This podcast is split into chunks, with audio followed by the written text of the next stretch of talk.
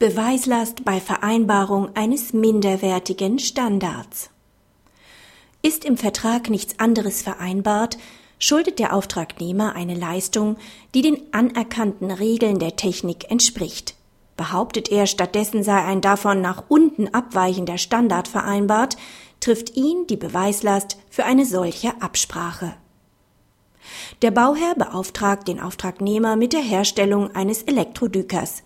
Dabei hat der Auftragnehmer den Düker unter anderem einzumessen und dessen Lage zu dokumentieren. Mit diesen Leistungen beauftragt er einen Vermesser.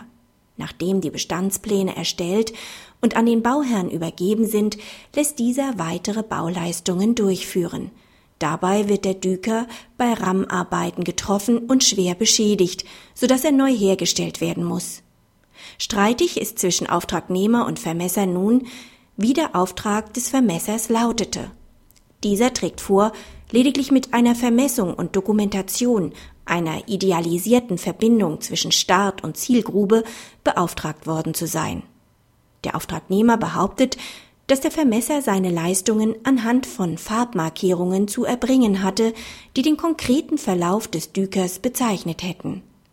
Streitig ist nun die Beweislastverteilung, das heißt, ob der Auftragnehmer die konkret geschuldete Leistung beweisen muss oder ob dem Vermesser ein Entlastungsbeweis obliegt. Von dieser Rechtsfrage hängt der Ausgang des Prozesses ab. Das Oberlandesgericht Brandenburg stellt fest, dass die Leistung unstrittig mangelhaft ist, denn die Einmessung war nicht geeignet, als Grundlage für die Rammpläne der Folgegewerke zu dienen – dies ist offensichtlich nur möglich, wenn der Vermesser den Verlauf des Dükers genau bestimmt und nicht von einem idealisierten Verlauf ausgeht. Der Vermesser behauptet damit nichts anderes als eine Absprache, wonach er eine Leistung erbringen müsse, die hinter dem zu erzielenden Werkerfolg zurückbleibt. Daher kommt ihm die Beweislast für eine solche Absprache zu. Praxishinweis. Das Landgericht als Vorinstanz hat zahlreiche Zeugen vernommen, dabei allerdings keine sicheren Feststellungen treffen können. Die Vereinbarung der vom Vermesser behaupteten Qualitätsabweichung nach unten konnte ebenso wenig bewiesen werden wie die vom Auftragnehmer behauptete Vereinbarung einer funktionstauglichen Vermessung und Dokumentation. Das Landgericht legt die Beweislast in einer solchen Konstellation dem Vermesser auf, wobei es von einer Entscheidung des Oberlandesgerichts Saarbrücken abweicht.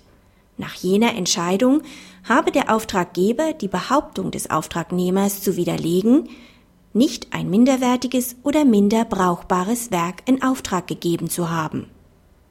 Das Oberlandesgericht Brandenburg verweist dagegen mit guten Gründen darauf, dass ein solcher Negativbeweis für den Auftraggeber kaum zu führen ist.